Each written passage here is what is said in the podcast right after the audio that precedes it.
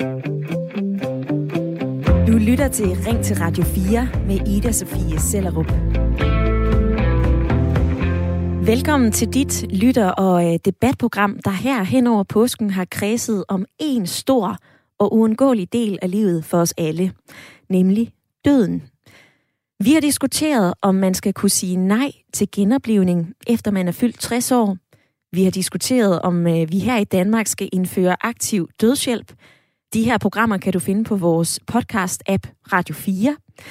Og i den næste times tid sætter vi gang i det sidste emne i den her påskespecial.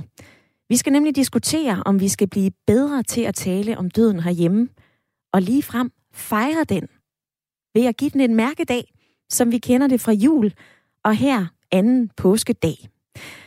Og det kan godt være, at fejring og død i samme sætning lyder forkert i dine ører. For hvordan kan man fejre, at nogen man elsker går bort, enten naturligt eller pludseligt? Hvordan kan man se lyset i så mørk en situation, der er fyldt med sorg? Det er også nogle af de spørgsmål, vi kommer forbi i dagens program, men vi kommer også et smut til Mexico. For der har de altså dødens dag. Dia de Muertos. Det er en kæmpe begivenhed hvert eneste år, der bliver fejret i november. Der er festivalstemning, der er dans, der er mad, der er drikke, der er, mus- der er blomster overalt, og så er der dekorerede gravstene, ansigter og sukkerkranier. Men der er altså også besøg på kirkegårde. Der er tusindvis af lys, billeder af afdøde, som er sat op hjemme i de meksikanske hjem på særlige husaldre. Det er et ønske og et øh, minde om at fejre de døde, og dermed fejre livet. Og tilbage i Danmark igen, så er fire prostier i Aarhus blevet inspireret af det her. De har nemlig taget initiativ til at lave en De Dødes Dag. Det foregår i november, og 50 kirker er med. Og det er ikke nogen meksikansk folkefest, men det er stadig et stort arrangement, og jeg taler med en af præsterne bag det danske initiativ lige om lidt. Men først, så kaster jeg spørgsmålet ud til dig, der lytter med. Skal vi fejre døden i Danmark? Eksempelvis ved at lave en De Dødes Dag. Og her, der plejer jeg at give dig telefonnummeret her ind til mig, men øh, dagens program er optaget på forhånd, og det betyder desværre, at du ikke kan deltage i debatten på telefon eller på sms. Men jeg lover dig, at der kommer faglige input fra spændende gæster, og ikke mindst input fra et veloplagt lytterpanel. For jeg kan begynde hos dig, Linda Gonzales på øh, 46 år. Du er med fra Hundested. Du har sydamerikanske aner, Linda. Mener du, at vi her i Danmark skal fejre døden med inspiration fra Mexico? Øh, jeg mener helt klart, at det er en øh, rigtig god idé at overveje nye måder at øh, bearbejde død og sorg og tab på. Så jeg er rimelig enig i, at, øh, at man godt kunne øh, lave sådan en dag. Nu vil jeg lige sige, at de dødes dag oprindeligt var om sommeren. Det var øh, med indførelsen af katolicismen, at det blev rykket til november. Så det passede overens med alle helgensdag og så videre. Men ellers ja. Og jeg vil så også fejre det om sommeren. Jeg vil have en dag om sommeren. Tak for det øh, input, Linda, og på at gøre os klogere. Det er jeg sikker på, at du kommer til at gøre i løbet af den næste times tid. Vi skal også forbi Ulrik Kirchheiner, som er anden halvdel af panelet i dag, 62 år og med fra Humlebæk. Velkommen til, Ulrik. Ja, tak skal du have. Skal vi fejre døden? Ja, øh, det synes jeg grundlæggende, vi skal på den måde, øh, som jeg oplever, de gør i, i Mexico. Øh, de fejrer den jo med, med stor værdighed øh, over for de døde, og de vil gerne være sammen med de døde, øh, som de nu kan, og som de beslutter sig for øh, den dag. Men det er klart, det er en proces. Hvis man har mistet, øh, måske endda ved en ulykke, så er det ikke det samme som øh, at fejre måske en naturlig og udramatisk død, som typisk er forbeholdt ældre øh, og svagelige. Men grundlæggende, øh, så synes jeg, det er en god idé, at man kan komme så langt, så man kan fejre det en dag med, med, øh, sammen med de døde. Og jeg vender tilbage til øh, jer to lidt senere. I er med igennem den næste times tid. Og vi har jo traditioner om at mindes de døde rundt om i hele verden. Dia de Muertos i Mexico. I Skotland, der har jeg læst mig til, at man sidder ved øh, afdødes kiste, drikker en øl og fortæller historier. Og i Indonesien, der går man endnu længere og graver begravede familiemumier op og giver dem fint tøj på. Og så er der også en bestemt tradition for døden, som øh, du nok også kender ret godt. Halloween, som stammer fra den keltiske høstfest Samhain. Og du tænker nok også på Allerhelgen, når vi tænker og taler om at mindes de døde. Det er en anden kendt dansk mærkedag, som kommer fra den katolske kirke. Så der er jo måder at mindes på. Skal vi så skabe nye traditioner?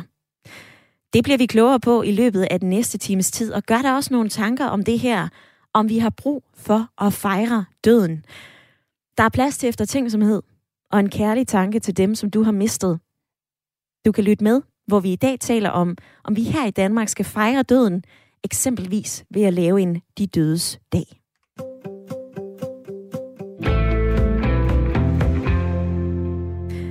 Linda, du siger blandt andet, at øh, man kan glæde sig over det liv, der var, selvom det ikke er her mere. Prøv lige at forklare mig det. Ja, øh, jeg opfatter de dødes dag blandt andet, og hvordan andre kulturer også øh, hylder de døde, som en måde at hylde det liv, der var i det menneske, der er gået bort. I stedet for at fokusere på ens egen smerte, rykker man ligesom fokus over på noget meget mere glædeligt, og noget, der giver meget mere mening. At man rykker det over på det liv, der var i den person, man nu har en eller anden relation til. Og så har man forskellige måder at gøre det på. Øh, faktisk har vi jo også ritualer herhjemme i forbindelse med, når folk dør. Øh, jeg har selv været med til noget af det. Det er jo sådan noget med, at vi vasker livet. Vi åbner vinduer. Vi lægger måske en blomst, eller vi lægger afdøde i øh, en bestemt stilling, hvilket også er praktisk, når de skal over en kiste. Men måske også lige giver dem en blomst mellem hænderne. Så der er en masse små ting, vi allerede gør nu for at hylde den person, der lige er gået bort. Der, afvaskning handler jo ikke om, om, om smerte. Og det der med at åbne vinduet, det er jo også noget spirituelt med at lukke sjælen ud og alle de her ting. Og lægge en blomst af endnu en, en ærefuld måde at, øh, at vise øh, respekt til afdøde på. Og lad mig lige få dig med i debatten igen, Ulrik. Forud for det her program, der fortalte, så der fortalte du mig, at øh, du desværre har mistet en søn for nogle år tilbage. Hvordan stiller du dig så, når jeg spørger, om man skal fejre døden i Danmark? Jamen altså, jeg stiller mig der, hvor man kan sige, man, man kan komme, man kan, man kan, man kan måske komme frem til det, øh, lige når ulykken sker og, og tabet det, det, det, det sker så tror jeg ikke, man oplever, øh, at man er i stand til det, øh, når man mister øh, sit barn. Der møder man en, en, en, en, en, en mur inde i sig selv, og, og måske endda en mur i sin omgangskreds i form af noget øh, svært, noget tabu, øh, noget, der fylder rigtig, rigtig meget. Men det er klart, at øh, når, når, man, når man måske får noget hjælp, og man er i stand til at, at, at, at komme igennem sorgen og komme lidt ud på den anden side, øh, øh, så vil det da være til gavn og glæde, både for, for en selv og måske for ens andre børn og ens for nære familie, at man kan øh, at man udramatisk øh, kan glæde sig over, hvordan var det dengang, og, og hvad var det for nogle dejlige oplevelser, vi havde. Men jeg mener bare, at det bør lige knyttes øh, det til, at, at øh, det er en proces, øh, som jeg tror kan øh, vare længere end processen, hvis man måske mister øh, en, der dør af, af alderdom. Sådan en dag som øh, Dia de Muertos, som de har i øh, Mexico, Ulrik, synes du, at der er et behov for at have sådan en dag i Danmark? Øh, altså, øh, det, det, altså for mit eget vedkommende, det, det, der, der vil jeg sige, at øh, altså vi, vi tænker jo meget på, på, på Mads Peter, øh, og, og det kan du sige, det, øhm, det behøver vi sådan set ikke et, øh, et, et, øh, sådan en, en dag for, øh, fordi det, det, det gør vi sådan set hele tiden, hver dag. Så det er mit svar. Så ja, nej, altså, det er ikke noget, jeg sådan øh, vil se frem til den dag, Øh, jeg ser frem til hans fødselsdag, hvis det kunne være. Øh, jeg ser frem til, når solen skinner og tænker på ham. Så personligt har jeg ikke brug for sådan en dag. Og tak fordi, at du... respekterer, at andre har det. Mm. det. Ja. Og Ulrik, jeg har stor respekt for, at du fortæller mig og lytterne om øh, dit tab af din søn, og at du giver dine perspektiver i dagens debat. Hvis du lige har tændt for øh, din radio denne anden påskedag, så lytter du lige nu til øh, Ring til Radio 4, og i dag der debatterer vi, om vi her i Danmark skal have nogle flere traditioner, der drejer sig om døden. For eksempel, om vi skal fejre døden, mindes dem, vi har mistet, på flere måder, end vi gør i dag. Eksempelvis så har 50 kirker i Aarhus arrangeret de dødes dag med tanker på både Allerhelgen og eh, Dia de Muertos fra Mexico. Er det noget, du kan se ved en indpas? Og er det noget, du mener, vi har behov for at fejre? Dagens program er som sagt lidt anderledes, da du hverken kan ringe eller skrive til mig, men jeg håber alligevel, at du lytter med og funderer over det, du hører.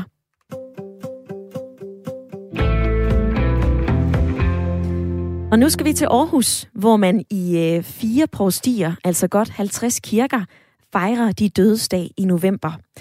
Nu er den her dag planlagt igen. Den 5. november går det løs.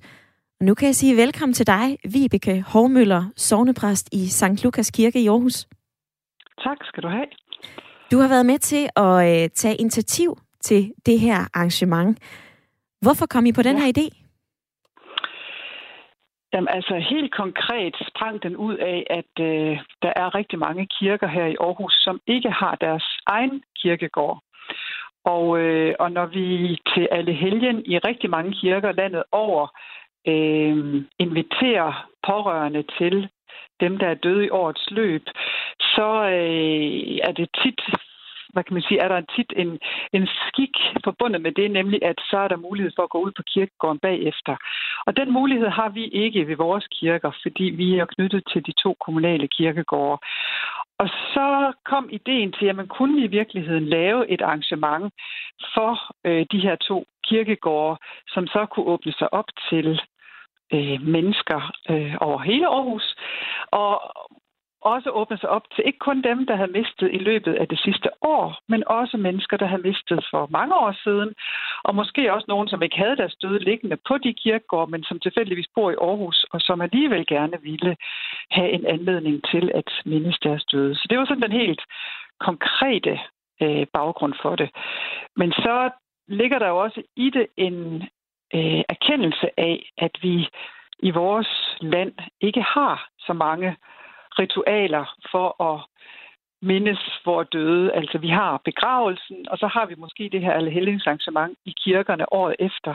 Men derudover har vi egentlig ikke øh, ret mange ritualer. Og der tænkte vi, at øh, det kunne der måske godt være et behov for at skabe rammer for et, et nyt ritual. Og det var ligesom det, der var, var startskud til, til det her arrangement. Hvorfor skal vi fejre døden, Vibeke Hormøller? Jamen, øh, vi skal ikke fejre døden. Øh, døden er et vilkår i vores allesammens liv, et smerteligt vilkår, og, øh, og det sætter sig rigtig mange spor i vores liv. Alle kommer til at miste nogle mennesker, der har stået tæt på dem i løbet af et liv. Så det er ikke døden, vi skal fejre, men det er de døde, vi skal fejre. Altså, det er muligheden for at og mindes dem. Og, øh, og, og der tænker jeg, at, at vi i hvert fald igennem en lang, lang, lang periode i vores land og vores kultur har haft en tendens til at, at tro, at det gælder om at komme over sorgen, og at vi på en eller anden måde skal vi skal videre, og så skal vi ikke snakke så meget mere om sorgen og om de mennesker, vi har mistet. Og der tror jeg, at det bliver mere og mere tydeligt for alle, at det faktisk ikke er en, god vej at gå for ret mange mennesker. Tværtimod, så har vi måske mere end nogensinde brug for at snakke om de døde, øh, og også at fejre deres liv, fejre deres minde. Og, øh, og det er der jo mange, der kan finde ud af måske selv, men der er også mange, der kan have svært ved at gøre det selv. Og der har vi så tænkt, jamen kunne vi lave en dag, hvor vi inviterer til at være sammen om at mindes, så kunne det måske blive en anledning for nogen til at, øh, og, og hvad kan man sige, sammen med andre, og så gå rundt på en kirkegård og mindes deres døde. Okay, helt konkret, kan du hjælpe mig til at finde ud af, hvordan jeg kan øh, fejre, eller i hvert fald mindes nogen, jeg elsker, der er gået bort? Jamen, altså, jeg tænker jo, at altså, der er jo nogen, der er mange mennesker, der har deres egen tradition, ikke også? At gå til den kirkegård, hvor graven ligger. Men hvis man nu ikke har den kirkegård i nærheden, så kan det måske være en mulighed at tage op på en kirkegård sådan en dag, øh, hvor alle er enige om, at i dag, der er vi sammen om at mindes. Og så kan måske det at gå rundt på kirkegården og se andre grave være med til at, hvad kan man sige, stemme sindet over for den, som man selv har mistet. Det kan også være at tænde et lys. Det kan være at skrive en hilsen til den døde. Det kan være at lytte til noget musik, som sætter en i en, en stemning, der hvad kan man sige, folder sig omkring den person, man savner. Det kan være at synge nogle sange, som kan være med til at give en håb og trøst. Øhm, det er i hvert fald det, der ligger i, i det her tilbud om de dødes dag, øh, at, at der bliver skabt nogle rammer og nogle små ting, man kan gøre, som måske kan være med til at, at øh, gøre den døde endnu mere levende til stede i ens øh, liv. Jeg læst mig ind på øh, den meksikanske tradition, altså Dia de Muertos, og der lyder det blandt andet, at man ved at fejre de døde jo også fejrer livet. Ja. Altså den, den sammenhæng, som vi egentlig tror er et paradoks, at vi fjerner håbet, når vi taler om døden. Ja. Hvordan er den her dag, de dødes dag i Aarhus, blevet modtaget? Altså jeg må sige, at vi har fået en overvældende modtagelse. Altså der kom rigtig, rigtig mange til den første gang her sidste år. Og de allerfleste øh, tilbagemeldinger, dem vi hørte, var meget, meget positive. Altså en stor glæde over at få lov at at være sammen om at mindes. Altså, at det blev en god anledning for rigtig mange mennesker. Der var mennesker fra hele Stor Aarhus, og der var mennesker, der havde mistet for nylig, men der var også mennesker, der havde mistet for flere år siden, mange år siden. Der var mennesker, der havde mistet gamle mennesker, mennesker, der havde mistet unge og, og børn. Altså, så det var en, på en eller anden måde blev det et, en dag, hvor der var masser af tårer, der rent. Det er der ingen tvivl om, men der var også meget håb, og der var også sådan en, en god, opløftende stemning var, var vores oplevelse. Så, så, så vi var meget, meget glade og meget, meget taknemmelige. Og nu er den så også øh, sat i kalenderen i år, den 5. november. Der øh, er der igen de dødes dag på øh, flere kirkegårde rundt om i Aarhus. Men Vibeke Hovmøller, her til sidst, der vil jo sikkert være nogle lyttere, som sidder derude og siger, prøv at høre, vi har lige haft påsken, hvor vi ser tilbage på Jesus øh, død genopstandelse. Vi har alle helgen. Der er også nogen, som fejrer Halloween. Hvorfor ikke bare holde dem holde sig til det? Jeg tror aldrig, vi kan få for meget af øh, anledninger til at, øh, at tænke på vores døde. Og det her, det lægger sig ind imellem Halloween og alle helgen, kan man sige. Vi holder det om lørdagen i den weekend, hvor der om søndagen er alle helgens øh, gudstjenester, og hvor der lige har været Halloween. Øhm, og det er simpelthen et et ekstra tilbud om at lave en, øh, en dag, hvor vi kan mindes vores døde sammen. Øh, på en anden måde end det at være i kirken, hvor de dødes navne bliver læst op, dem der er døde i årets løb, og noget andet end den Halloween-tradition, som jo er meget, hvad kan man sige, spas og, øh, og sjov, altså. Men, men, men sådan en, en ting midt imellem dem, som, som kan være med til at give os pladsen til at, at mindes vores døde det tror vi på også er meningsfuldt. Vibeke Hormøller, sovnepræst i St. Lukas Kirke. Tak for din tid i dag. Velbekomme.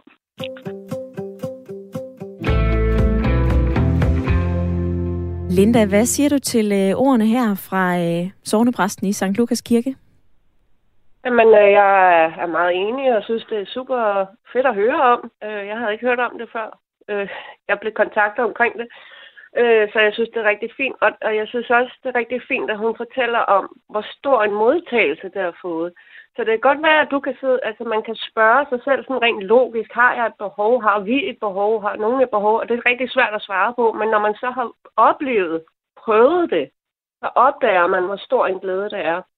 Nu er jeg også hypnoterapeut, og jeg arbejder også med afdøde kontakt i hypnose. Og der er jo rigtig mange, der for eksempel ikke tror på det, eller er ekstremt skeptiske, eller direkte latterliggørende over for det. Men de klienter, jeg har haft, har faktisk fået mere ud af det, end de overhovedet havde regnet med, at de ville få ud af det. Så det er også noget at gøre med, at vi tror, at vi ved, hvad det går ud på. Men så er der faktisk en masse gevinster. Og nu fortæller Vibeke også, at øh, der selvfølgelig også er tårer. Selvfølgelig er der tårer. Fordi tårerne kommer jo af den enorme kærlighed, vi har til afdøde. Tårer er ikke nødvendigvis et eller andet, vi skal holde væk og ude af vores liv. Det er bare en del af det at være menneske, og en del af det at føle noget intenst. Og der kan man sagtens samtidig hylde øh, afdøde mennesker. Og jeg er helt med på også, øh, det Ulrik siger, at det er en meget personlig proces, så det er meget op til den enkelte, hvorvidt de kan, kan føler sig i stand til at deltage. Altså, jeg er bare glad for, at øh, man snakker om det, man laver arrangementer omkring det, og folk opdager, hvor ikke forfærdeligt det faktisk er. Hvor glædeligt og meningsfuldt og givende det faktisk kan være. Og Linda, for lige at supplere øh, til det, du siger her, og øh, bygge lidt øh, tal på, så har jeg kigget i øh, den nationale soveprofil, og der viser tallene altså, at øh, mere end hver anden dansker, 56 procent, synes stadigvæk i høj grad eller i nogen grad, at der er et tabu i samfundet omkring døden. Ulrik, jeg øh, vender tilbage til dig. Mm. Du havde ikke øh, den store lyst til at tage med til sådan et arrangement helt personligt. Men når du ser og øh, når du hører Vibeke Hovmøller fortælle om det, tror du så, at det kan være en måde at nedbryde mm. det her tabu, vi har? Jamen, jeg oplever det da øh, klart, Altså, jeg har jo selv været igennem processen, og der er brug for at tale om, at øh, man har mistet, og man har brug for at tale om minderne og sorgen, og, og, og, og, og jeg kan også godt se, at man kan gøre, kombinere det med noget spas, samtidig med, at der er noget sorg, øh, og også mange år efter øh, dødsfaldet. Så, så jeg, jeg, jeg kan godt sætte mig ind i det, øh, og jeg har oplevet, at det betyder rigtig meget, at der er nogen, øh, der er til at lytte. Jeg har været igennem en proces, hvor, hvor, hvor jeg har oplevet, hvordan er det at tale om det, og hvordan er det, at nogen øh, opsøger mig og spørger ind til det. Det synes jeg er, er fantastisk. Øh, når jeg ser, ligesom, at det er noget, man ligesom hylder, og, og, og, og øh, hvad skal man sige, danser til, og så har jeg lidt svært ved det lige sådan her i telefonen, ligesom at, at sige, jamen det kunne jeg så med godt tænke mig. Øh, øh, det, det tror jeg lige, jeg skal øh, gå langsomt ind i og fornemme stille og roligt. Øh, så kan det godt være, at jeg selv bliver en del af, af glæden ved det. Men, men lige sådan her øh, at blive spurgt om det, og, og jeg har jo kunne forholde mig til det øh, forud for, for udsendelsen her i dag, men det er stadig sådan, at jeg skal have noget tilløb til det.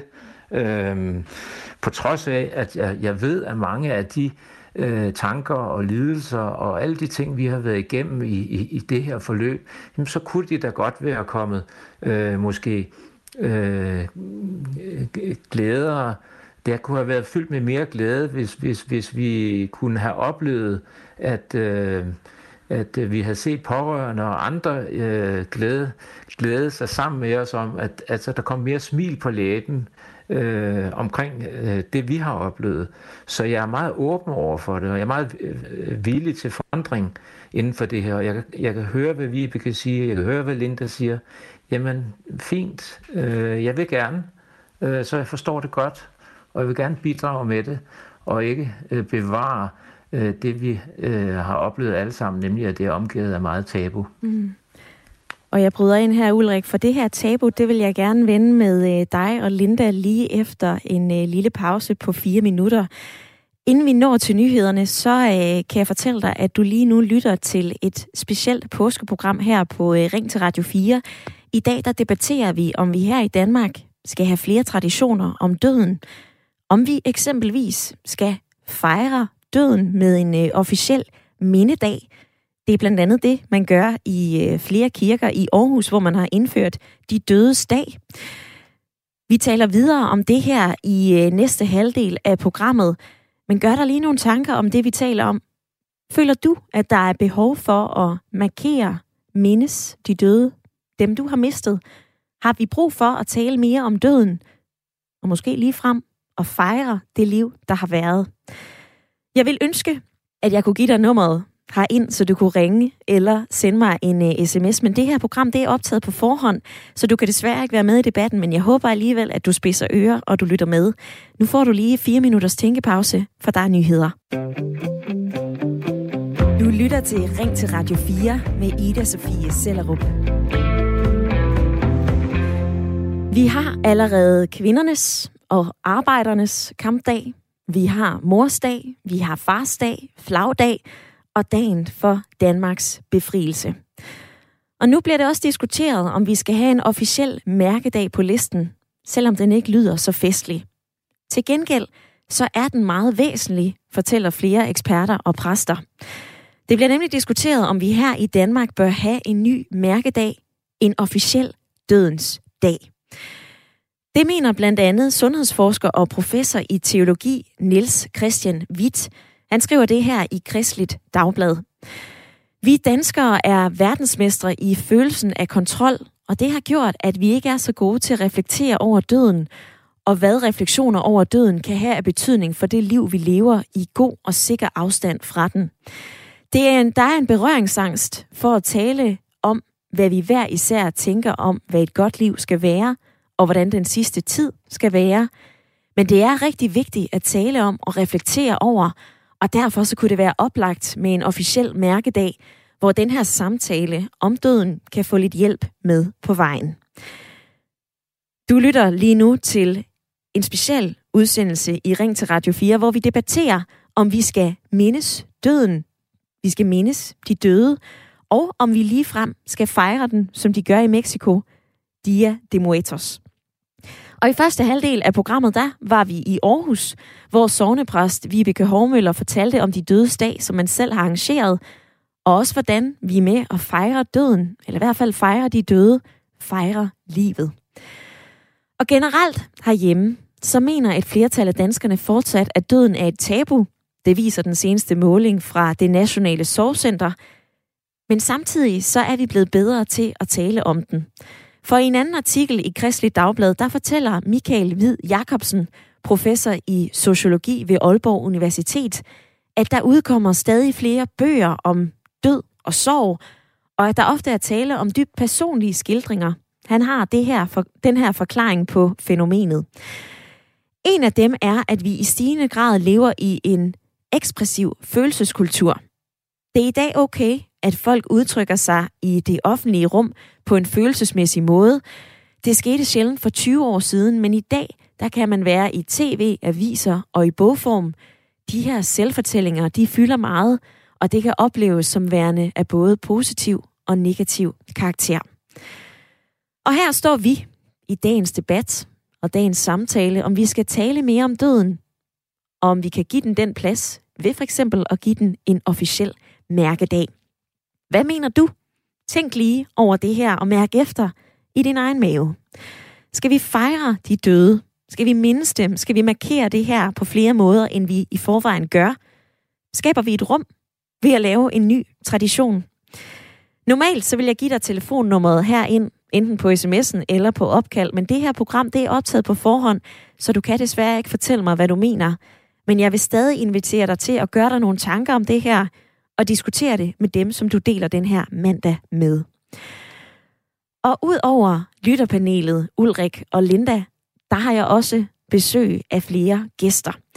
Og nu skal vi et smut til Mexico og høre mere om de døde dag, Dia de Muertos. For den tradition, den ved du en hel del om, Mille Gabriel. Velkommen til programmet. Jo, tak skal du have. Du har en øh, ja. Ph.D. i uh, antropologi, og så er du også seniorforsker ved Nationalmuseet med ansvar for de nord- og sydamerikanske samlinger. Mille Gabriel, tager os lige med til Mexico. Hvordan bliver de dødes dag praktiseret? Jamen, I Mexico så er de dødes dag jo en af årets vigtigste højtider. Det var sådan øh, fra Alhelgens aften den 31. oktober til Alle Sjælesdag den 2. november. Og det er altså det er de samme dage, som katolikker verden over ærer deres helgener og, og beder for de døde sjæle. Men i Mexico så foregår det bare alligevel på en helt anden måde. For her der er de dødes dag ikke kun en sørgelig, men også en glædelig fejring af de døde, kan man sige, hvis sjæle, som bliver kaldt tilbage et par dage for at nyde alle de ting, som de afdøde holdt allermest af da de var i live. Så det er noget, der sådan udspiller sig øh, forskellige steder rundt i samfundet. I de meksikanske hjem, så øh, laver man gerne sådan et offerbord eller et, et alter, et øh, ofrenda til familiens døde, hvor man dækker op med, med alle øh, de livretter, alle de ting, som den døde holdt allermest af. Der kan være øh, øh, frugt og øl og Coca-Cola, eller måske en yndlingscigar, men, men også nogle forskellige ting, der hører højtiden til. Der er chokolade og sukkerkranier og sådan noget. Og i det offentlige rum, så laver man store aldre til de nationale ikoner, f.eks. Frida Kahlo. Så er det også noget, der udspiller sig på kirkegårdene. Mange familier de tilbringer faktisk øh, natten mellem 1. og 2. november på kirkegården, hvor de pynter gravstederne op med vokslys og blomster og øh, sådan øh, viser vejen til gravstedet med orange tagetes, øh, sådan nogle blomster, som øh, ja, for orange mener man ligesom er, er de, de døde sjæles yndlingsfarve. Så det er altså både hjemmet og på kirkegårdene, og så det særlige ved de døde sager i Mexico, det som, som mange kender til, er nok også det her med, at der pyntes op med skeletter overalt. Sukkerkranier og chokoladekranier og store skeletter i papmaché og øh, små sådan, dioramaer med skeletter, der, der gør hverdagsting. Så den sjove, komiske skeletter, som på en eller anden måde er med til at gøre døden mindre sørgelig. Mm-hmm. Men det mhm. kan også sådan bruges som en social satire sådan til at, og, øh, at skildre, til at udtrykke en, en samfundskritisk kommentar eller sådan. Så, øh, så det er sådan i, i, i grove træk, hvordan det udspiller sig i Mexico. Men når du lige nævner, nu efter jeg mig ved, at du siger, at der kommer noget komik ind, og der bliver noget satire, at man den, på den måde kan tage brøden af sorgen. Er det ikke meget langt fra den måde, vi ser på døden her i Norden? Jo, det, det må man sige. Øh, det, det, det er meget langt fra den måde, vi, vi arbejder med døden. Og det er også mit indtryk, at, øh, ja, at, at døden kan være svær at, at tale om øh, i Danmark. Og, og derfor så øh, er det egentlig også mit indtryk, at, at vi har ret meget at lære af den meksikanske tilgang til døden. Og her på Nationalmuseet, hvor jeg arbejder, der har vi faktisk holdt Dia de los Muertos to gange i samarbejde med en, en øh, sådan, øh, interkulturel organisation, Secultura, der består af, af mange medlemmer af meksikansk eller latinamerikansk oprindelse. Så vi har holdt det her den her øh, højtid på museet flere gange, hvor der er kommet tusindvis af mennesker, også øh, danske, etnisk danske familier, kan man sige. Og der har vi sådan introduceret øh, højtiden med også en masse workshops, hvor familier har kunne sætte sig ned med børnene og, og male på lærkranier og folde orange blomster, eller skrive små digte til ja, en, en, en død, øh, en afdød fra deres egen familie. Og der har vi faktisk oplevet, at mange sådan etnisk danske familier øh, at vi har vendt tilbage og sagt, at det her faktisk gav dem sådan en, en ny lejlighed til at tale med børnene om døden på en svær måde. Øh, fordi her der skulle man sådan pludselig ja, tale om, hvad, hvis nu vi skulle have lavet et offerbord til bedstemor, hvad skulle der så have været på det? Skulle der have været øh, Coca-Cola eller, eller tequila? Nej, bedstemor ville måske hellere have en, en kop kaffe. Så blev det sådan en, en måde, man pludselig kunne tale om, hvordan hvordan var hun egentlig, bedstemor? Vi savner hende, men, men nu mindes vi hende. Så, så vi oplevede, at, at for mange familier, så var det her faktisk sådan et, et, et frirum. Pludselig kunne man tale om døden på en måde, der selvfølgelig er sørgelig, for det er jo altid sørgeligt at, at mindes dem, man, man holder af og savner, men, men, men på en måde, som bragte dem til live og, og gav os en lejlighed til at huske dem. Så, øh, så selvom at, at ja, de dødsdag er, er, er sørgelige, øh, så kan man jo sige, at det at blive glemt, det er jo, det er jo et eller andet sted endnu mere øh, sørgeligt. Så, øh, så det her er altså en, en anledning til ligesom at, at øh, holde mindet om, om vores kære afdøde ved lige. Så jeg, jeg synes, vi har ret meget at lære af det her i Norden. Mille Gabriel, vi har ret meget at lære. Nu har du øh, fortalt om øh, Dia de Muertos og hvordan at det her det bliver praktiseret. Det giver stof til eftertanke, og det vil jeg vende med øh, det lytterpanel, Ulrik og Linda, som er med i dag. Tak for din tid. Jamen, det var så lidt.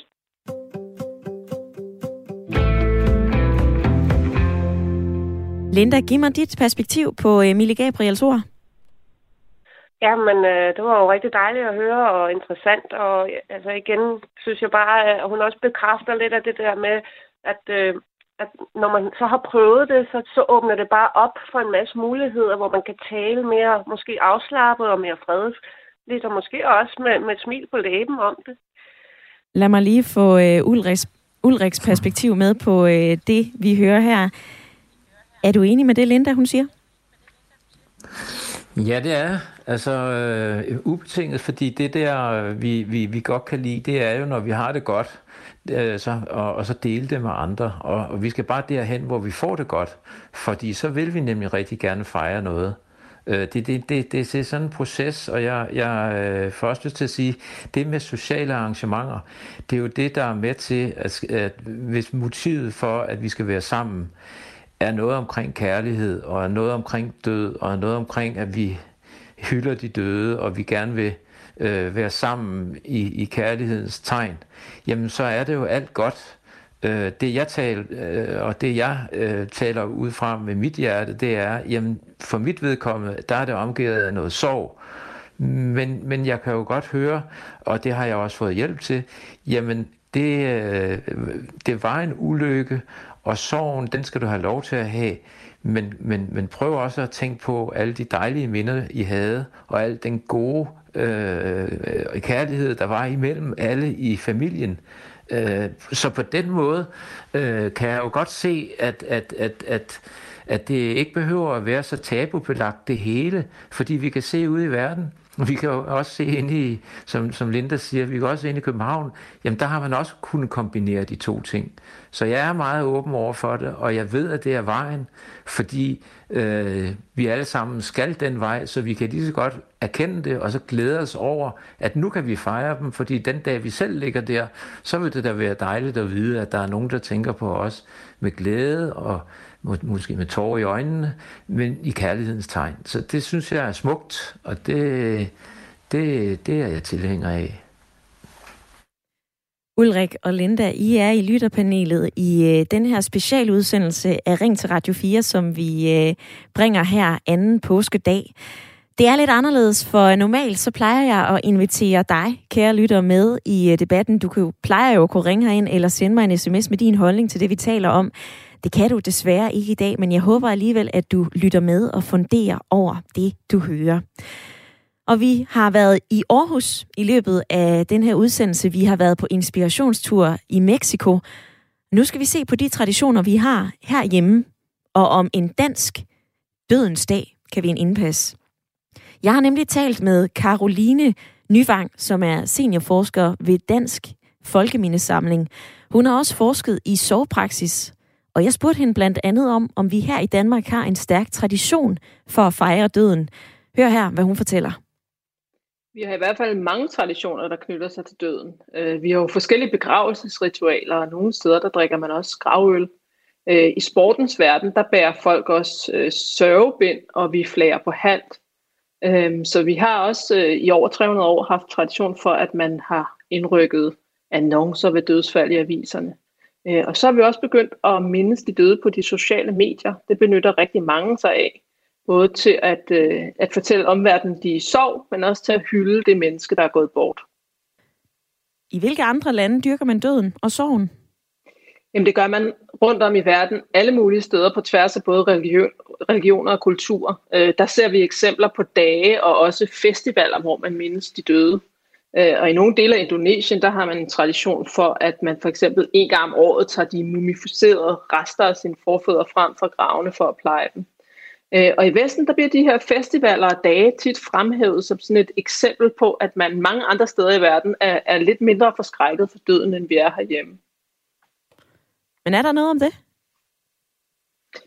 Jamen altså, det vi kan se med vores forskning, det er, at der i hvert fald der er rigtig, der er rigtig mange danskere, der oplever, øh, at de bliver mødt med tavshed af det omgivende samfund, når de er sov. Øh, Øh, og man kan sige, at de her dage og festivaler og traditioner, de har jo den fordel, at de er med til at opstille nogle klare rammer for, hvordan vi kan omgås hinanden. Øh, og det giver jo også nogen et håb om, at en dødens dag for eksempel vil gøre det en lille smule nemmere for os at tale med hinanden om den sorg, som øh, et tab af en nærtstående kan medføre. Nu har du beskæftiget dig med sovepraksis. Altså gør det noget godt for vores sorg og processen i at sørge, at vi ligefrem fejrer døden? Altså, øhm, jeg, jeg er jo historiker og slet ikke ekspert sådan i, i menneskers individuelle soveprocesser, men jeg kan i hvert fald se, at der er rigtig mange, der giver udtryk for, at de savner et fællesskab om sorgen. Øh, og selvom man rent historisk kan stille spørgsmålstegn ved, om det fællesskab egentlig nogensinde har eksisteret, så synes jeg da i hvert fald, at man skal respektere det som et behov hos, hos rigtig mange danskere. Og for at skære det her totalt ud i pap, altså hvad kan det give os at fejre døden? Jamen det betyder, at man får en måde at tale om døden på, øh, og noget af det, som øh, folk i sorg ofte peger på, det er, at de oplever tavshed i det omgivende samfund. Øh, og det, det mener de også er noget af det værste, de har oplevet i forbindelse med sådan en sorgproces. Så bare det at, at sætte snakken i gang om døden, kan være en hjælp for rigtig mange mennesker. En del af den her debat, den går også på, at vi skal selvfølgelig, som du siger, tale mere om døden, vi mindes døden, vi skaber et fællesskab om det, vi aftabuiserer det. Men er vi virkelig så dårlige til at tale om den, som vi tror? Det korte svar er nej. Altså døden, og især sorgen over døden, har aldrig været en så stor del af den offentlige debat, som den har været de seneste 5-6 år. Øh, der er blevet udgivet rigtig mange selvbiografier om, om døden, og, og vi diskuterer det i meget stor stil på sociale medier, øh, også i debatprogrammer som det her. Øh, så for mig at se, der er det noget af det mest interessante ved debatten faktisk, at vi har den her særlige tiltro til, at det at snakke mere og længere om noget har sådan en unik terapeutisk værdi. Øh, fordi det stiller jo nogle krav til os alle sammen, øh, om at vi skal være nogle aktive lyttere.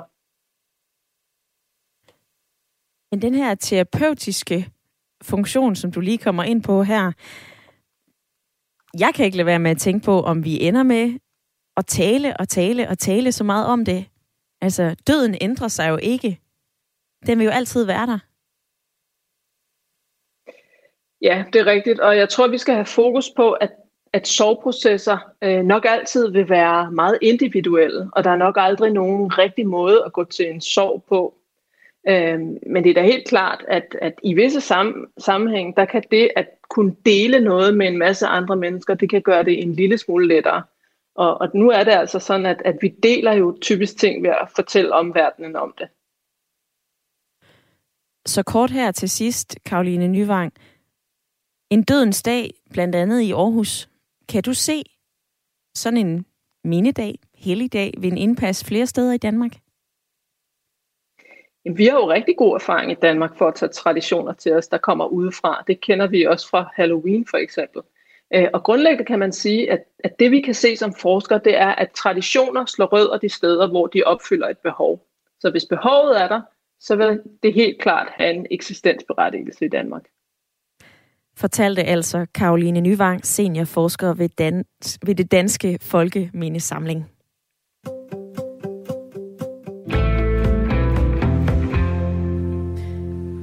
Ulrik, Karoline Nyvang, hun nævner flere mm. ting her. Er der noget, du bider særligt mærke i? Mm.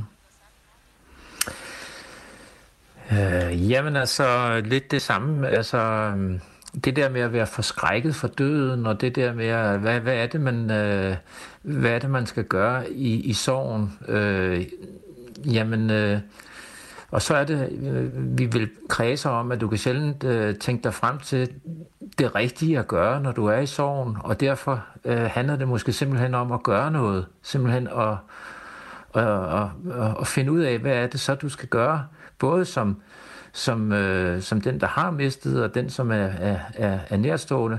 Altså skal du ringe på døren og vise dem, øh, at du gerne vil række frem og, og, og, og, og, og, tale med dem. Og temaet er jo samtale, og temaet er at gøre noget, og se, temaet er at dele det. Og det er vel det, jeg får frem af, af det her, det er at, øh, at minde det hele med tavshed. Det, øh, det, det, det, det tror jeg ikke, at vi som mennesker øh, får det godt med. Vi, vi, vi vil gerne, øh, vi vil gerne blive, hjælp, blive hjulpet, og vi vil gerne hjælpe andre. Og det vil det temaet køre på. Og på den måde kan en tradition jo netop få et behov, fordi det inviterer os, der har mistet, til at møde andre, der har mistet, og også andre, der gerne vil glæde os til at, at mindes. Så, så øhm, formålet, det, det er godt, og os, der øh, står nu og, og er i en situation, hvor vi gerne vil mindes, men vi har nok lidt svært ved det, fordi vi er kede af det. Jamen, vi kan jo få det bedre ved at se, at andre de hjælper os til samtale og tage imod og give og lette det hele, mm-hmm. sådan så det bliver øh, noget, vi kan tænke tilbage på, øh, som ikke er så tabubelagt. Ulrik, du har fortalt, at du øh, for år tilbage mistede din søn. Savnede du på det tidspunkt, at der var nogen, der bankede på hos dig og sagde, hvordan går det her? Ah, jamen altså... Ja, det gjorde jeg nok, men altså, jeg var heller ikke i stand til det. Så, så det må være svaret. Jeg ved godt, det er svært at give nogen råd, fordi en soveproces er jo netop, som vi har talt om flere gange, meget, meget individuelt. Mm. Når du har stået i den her situation, mm. Ulrik, hvad vil du så sige til øh, andre, som står tæt på mennesker, der har mistet et nært familiemedlem? Jamen, så vil jeg sige, at et kram, det, det, det kan være verdens bedste. Man behøver ikke sige så meget. Ordene fra øh, Ulrik, den ene del af lytterpanelet. Den anden del af panelet, det er dig, Linda. Du nævnte tidligere, at du ville ønske, at det her det kunne vinde indpas i Danmark, altså at vi kunne få en officiel mærkedag. Nu har du hørt perspektivet her fra øh, Karoline Nyvang. Tror du på, at det kommer til at ske? Det ved jeg ærligt talt ikke. Øh, det er jo lidt svært at, at, at starte nyt, men jeg tror faktisk bare, at det vil komme lidt af sig selv. At jo mere folk åbner op, så er der flere, der vil lave arrangementer, og også uden for kirkerne, fordi der er også mange, der er, er religiøse, det er jeg selv. Så det, altså, jeg er faktisk inspireret til at se, om jeg kunne starte noget op. Øhm, så, så det vil jeg i hvert fald kigge lidt på. Og så vil jeg sige, at øh, jeg har heldigvis ikke mistet øh, mine børn, og jeg har fuld respekt for forældre, der mister børn, og deres soveproces osv. Men jeg kan fortælle, at jeg selv mistede en ven i 2010, meget pludselig til en overdosis. Og jeg var også fuldstændig opslugt af min egen smerte. Og så slog det mig lige pludselig, hvad ville min døde ven egentlig sige til, at jeg rendte rundt og havde det så elendigt hver dag? Hvad ville han egentlig ønske, at jeg gjorde? Og så fandt, altså for mig personligt, så fandt jeg meget mere fred og glæde i at ære ham via mit eget liv. Han ville jo ønske, at jeg bare fortsatte med at leve og fortsatte med at elske og fortsatte med at feste og more mig og, og du ved, følge min drømme og være den, jeg er, og alle de her ting. Så det følte jeg, at så længe jeg gjorde det, så fortsatte jeg med at ære ham og vise ham, hey, jeg har stadig livet, og nu lever jeg det også lidt for dig, nu når du ikke kan.